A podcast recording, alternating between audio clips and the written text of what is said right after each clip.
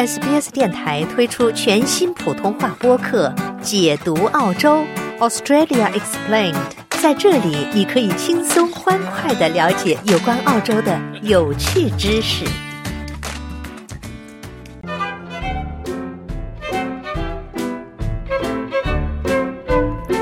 海量信息，幽默解说，共情热线，快来加入微声音。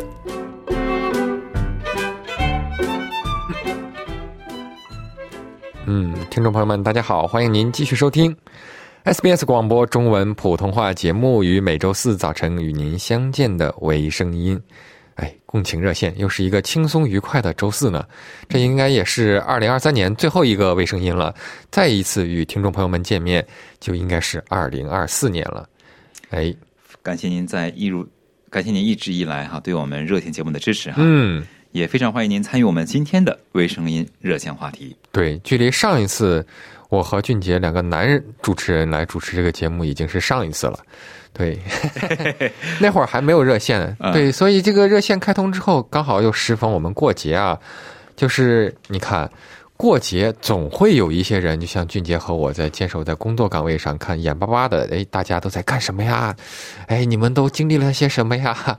哎，说出来让我们开心一下，或者说有什么其他的遭遇，说出来让我们觉得，嗯，好像我们也跟着您过了一个节。哎，是的，因为对这个假期呢，有出门旅行的人啊，看到。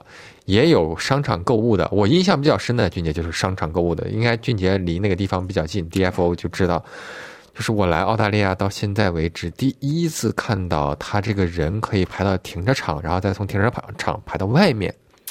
呃，是因为家人呢在这个节假日期间呢也在那个周边哈，去串了串，哎，是走路过去的，有些人走路过去的哈，看了一眼走了。就类似于这样的哈，看看热然后呢，这个因为延长了这个购物时间嘛，有很多商场都延长了哈。嗯，说这个吃个晚饭之后去遛个弯儿的时候，顺便逛看看吧。进去一看，好像也没什么打折，可能就是商家为了促销，嗯，往往就是怎么说呢？嗯，一种正儿八经，正儿八经可能优惠比较大的呢，可能就是都是有限量的嘛。所以这是为什么大家一早赶去排队的原因哈。赶早不敢晚。对这个很多人可能就是说大老远跑过去，不花点钱 心里不舒服，不然觉得这个白来了一趟，对吧？啊，对，就是一种很微妙的处世哲学。来都来了，大过节的，哎，对对对，哎呀，适用于处理一切问题。你适合在你适合站在那个店门口，这个做这个排队的。导览员来都来了，大过节的，对吧？排着吧，排着吧。你一走，我一挪，再想买你找不着了，哎，对不对？机不可失，失不再来。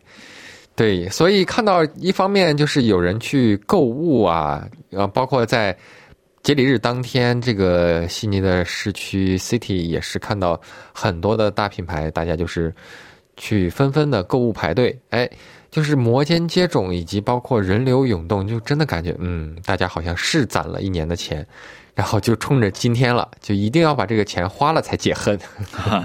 是哈，这个其实除了这个购物哈，还有出门旅行的聚会，那是必有的。对，有出门旅行的。不过哈，尽管如此，我呢，这个离着这个骑自行车的道比较，心里骑自行车道比较好的区域哈，嗯，然后走在那个路上呢。去锻炼的人还不在少数呢，骑车的人也很多，说明什么呢？雷打不动，风雨无阻，我们一定要保持健康的身体。嗯，说明 除了跑得比较远之外，就近活动的人也不在少数。对对对，这就想起让我当时想起在 lockdown 期间有相应的豁免，就是哎，你如果是要出去出门活动的话，你是可以出来的。所以就是那会儿觉得，哎呀。平时不运动啊，在那个时间就觉得啊，每天我必须得运动，不运动长在家里就不行，就好像就觉得哎呀，我如果不再找点什么事情干的话，我可能就和家具融为一体了。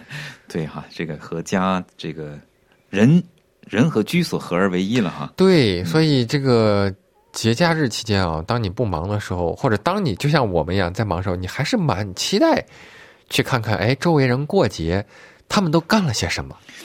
对呀、你必须得上班，对吧？哎所以呢，你出不去是吧？哎，所以呢，听众朋友，那您就拨打热线电话一三零零七九九三二三一三零零七九九三二三，来让我们两只个这个 需要上早班的人来体验一下对，听众朋友您的们，节日气氛啊、应该也听出来了，这一周就是但凡沾放假的这一周，哎，好像都是我们俩。我估计听众朋友都已经不耐烦了，现在怎么老是这两个男的？对，有不耐烦吗？呃，那不耐烦就打电话来，让我们耐烦一下吧。不太清楚。对，所以看去商场购物还是出门旅行，包括像刚才俊杰说的，哎，有运动还是说居家，您都遇到过哪些特殊的经历呢？值得您记忆并且难忘的，在这个节假日期间，是否也与往日不同呢？亦或是足够的特别？那么可以欢迎您分享一起。分享您的生活，我们的电话依然是一三零零七九九三二三一三零零七九九三二三。嗯那么我们也看到啊，就我们本台记者陈云也之前采访到一位叫 James，他是一个 Uber 司机。哎，他本来约好了朋友从日本来凯恩斯玩儿，结果呢，凯恩斯机场因为强降雨和洪水的原因呢，导致关闭，不得已他们也选择了别的城市游玩。让我们一起来听听 James 的情况。因为这个圣诞节极端天气嘛，前后极端天气，嗯然后可能就是出行的时候会碰到一些状况。你能不能说一下你的朋友碰到了什么情况？哦，他们是在本来日本要飞那个凯恩斯的嘛，凯恩斯哦，对对，凯恩斯那边凯恩斯那边，然后他们没办法过来了。本来机票是直接要飞到凯恩斯，然后在凯恩斯之后才过来悉尼的嘛。你朋友是一家大小，有好几个人，是？对啊，三个人啊，在日本的时候没办法过来了，已经通知他们不了不过来了，只能在那边重新在日本那边直接买买回机飞机票就飞到悉尼过来了。是因为凯恩斯机场是呃关闭了，水镇整整个机场，好像他他他们在日本就接到通知说，他们这个航班没办法，就不要要在那边等了，那他们也不等了，他们就直接就在日本另外买机票，然后就就过来。所以也不知道要等多少天，所以他们只好不知道，他们不知道的，因为机场还没开嘛，反正他们也没等了。后来就是这样，他们也没人，反正他们都已经已经来到这里，已经已经到到直接就买机票。后来机里面什么不大清楚了。后来航空公司后来怎么有什么解决什么，他们也没可能没去没再去，反正人都已经到到这边了，以后就再说了。因为您是职业是啊、呃开的士，所以您可能会就是在最近一段时间比较繁忙的要接机啊、送机啊什么，还有还有没有其他的什么状况？啊、很多人就就行程就全部取消掉，没办法，已经准备好的行程都只能全部 cancel 掉了，就取消掉了。基本上可能是那边的就是假期的时候，基本上全部取消掉了，都没办法去了。一定要圣诞期间去的，都基本上全部没有了，嗯，都还没听说要开通的，都没听说过。好的，好像那边还没搞，具体我还不是体颠倒是不知道。之前前两天有听过，他们都取消掉了，没办法去了。嗯，君姐，你听听这个。虽然我从来没有去过凯恩斯啊，但是确实听这个情况，包括我们新闻中也提到，哎，凯恩斯这个地方就因为洪水的原因导致了机场关闭。我其实我跟你说，同事们跟朋友们聊天儿的也是说这个夏季哈，嗯去凯恩斯或者是去这个昆士兰玩的时候啊，就特别容易碰到怎么说呢？恶劣天气。嗯，但是那个地方真的很好看。凯恩斯那个大堡礁那个海水去过吗？没有看过图片哎呀，我跟你说，那个海水必这湛青碧绿啊，这个词儿是不是这样说？我也不太清楚。反正就是碧波荡漾吧，就是哎，对，属于一个没有词来形容了。哎，很很透亮的那种蓝绿色，你会觉得真的很好看。但是呢，就是因为一直在上班上班，没有时间，所以就嗯，有一定程度上的小小的遗憾，算是。但是没关系，我们觉得下下一个假期我应该是可以去的。对，那就可以了哈。对对其实对，呃，这个恶劣天气对这个假期出行安排的影响，其实就在身边啊。我们新闻中提到有很多，包括这个我吧。这个圣诞节当天的时候，如果是身在悉尼的朋友的话，可能知道圣诞节当天有些区域中午的时候是有突降的这个暴雨的。嗯，对，就像昨天也是在下午的时候突降暴雨，还夹杂着冰雹。哎，是那天的时候呢，是刚好是路上正中午的时候在路上，然后那雨突然就下下来了。你还没处躲，哎呀，对不起 你说的还太对了，对吧？真的是没处躲。对，然后就是那水是泼下来的，哎，好在前面不远处就有一个停车场，拐进去停那儿不动了，嗯，等了个十来分钟，小了之后再走。即使是那样，到处有能看到积水啊，很比较多，所以说碰到这样的大雨天气，其实是挺危险的。确实。哎，我们看到有听众等在线上了，是我们的热心听众洪先生。哎，洪先生的洪先生您好，我们是您的电子榨菜。哎，在您工作生活的时候就这个对，您在听吗，洪先生？啊，洪先生可能这会儿信号不好，这来自偏远地区的信号总会可能有一些延迟。洪先生，您在听吗？哎，洪先生，您可以听到我们说话吗？哎，我可以听得到。哎，哎你好。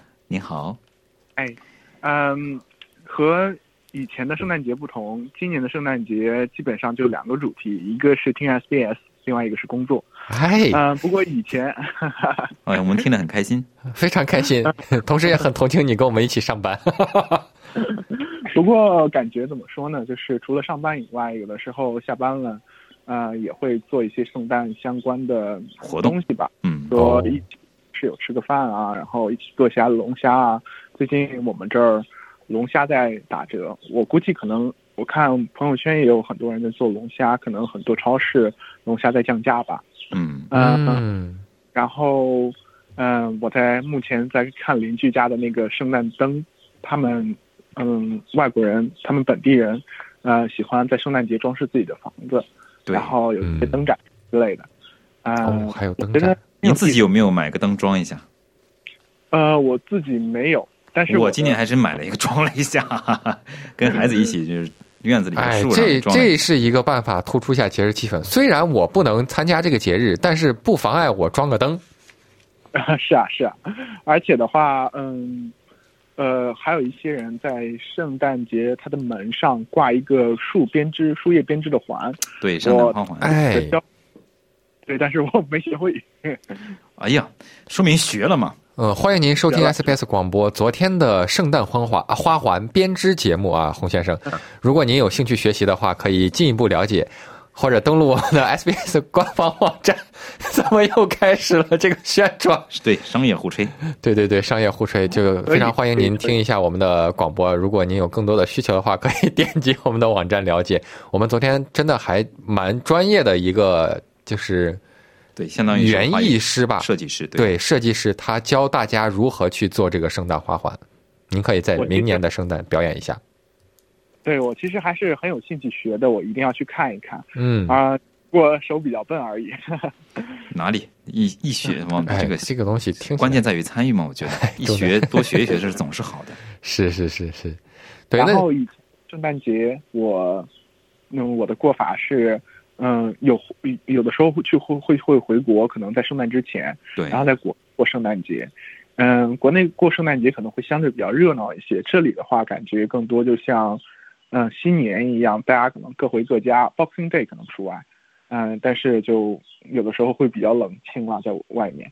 然后，嗯，我的同学有的会去别的国家玩 Boxing Day，我感觉好多人，包括我同事、本地同事，他们也是，呃，在这个圣诞会选择出游，好多人都请年假，然后导致那人手不够啊。嗯，我好像在听有人在讲述我自己的人生。不过真的 就是圣诞节哪哪都关门，你如果不出去 road trip 的话，你在家里待着的话，真的很无聊。你你不知道干什么的。对，除非聚会啊。对对对，嗯。嗯那非常感谢洪先生今天参与我们的节目，欢迎您继续品尝您的电子榨菜。哎，对好，谢谢。谢谢祝您节日快乐。嗯，稍事休息一下，我们稍后回来继续今天的热线听众节目。听众朋友们，大家好，欢迎回来继续收听每周四为您带来的微声音啊。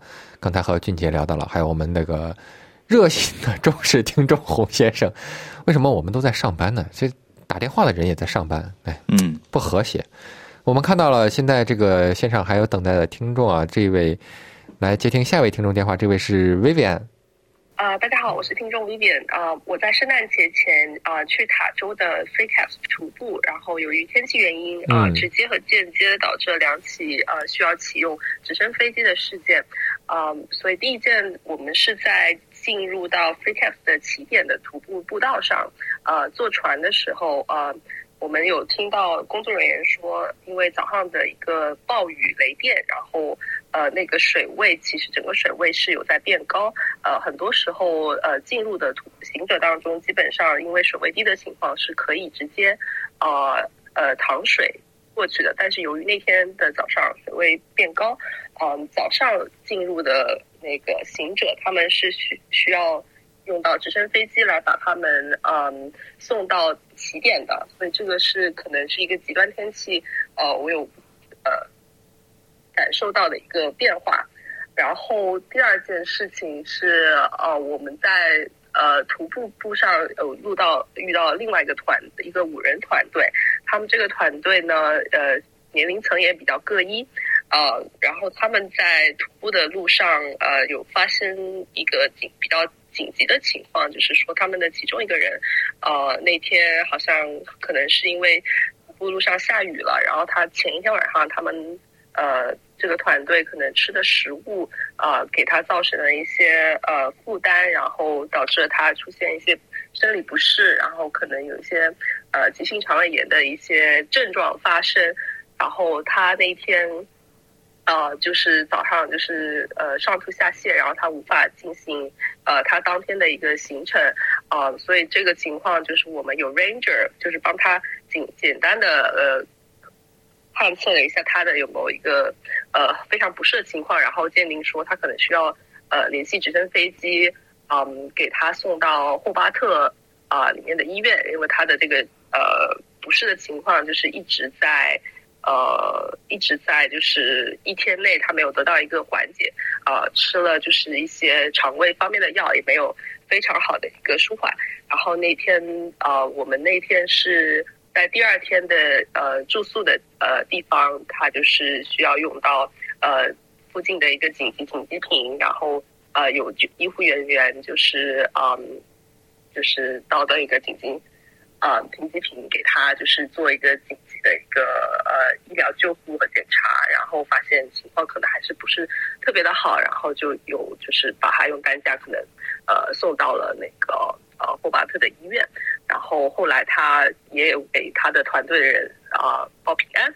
啊、所以这个可能也是有发生。然后后来我们跟他们的家人也聊了一下，可能也是因为他们带的食物上，我们发现可能他们有带生鸡蛋和生肉这一类的食物，因为我们啊、徒步的第一晚是可以用到一些比较啊、就是像 barbecue 一样的呃那种烤架，然后很多人他们会选择带生肉，但是可能没有预料到就是呃天气的呃巨变。就是从一个比较凉爽的天气，突然非常炎热、非常潮湿，然后可能会导致了一些食物变质的情况。嗯，所以可能大家在圣诞节出行的时候，可能还是要多观测一下，就是天气的变化。然后呃，特别是喜欢户外的朋友，可能在呃带一些户外用品以及食物的准备上，可能你就会要更加小心，呃，避免就是以上的情况发生。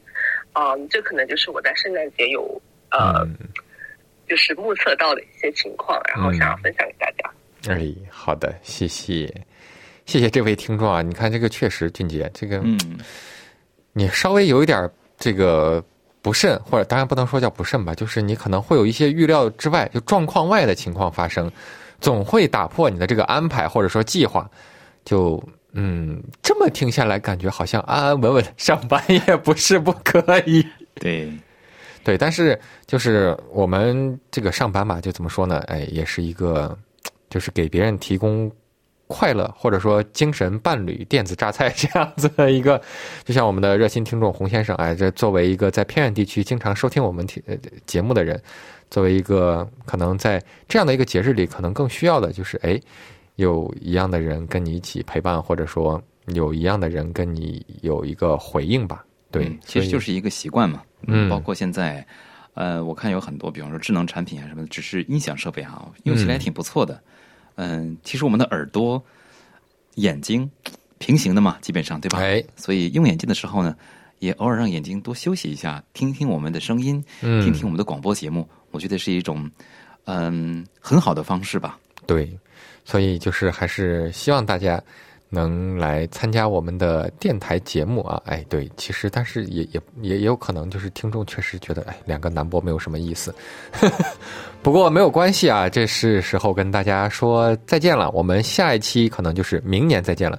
当然，明天同一时间仍然有 SBS 的普通话的节目与您准时相约。但俊杰和浩斐，哎，就和大家说明年再见了。哎，祝您新年快乐！祝您新年快乐！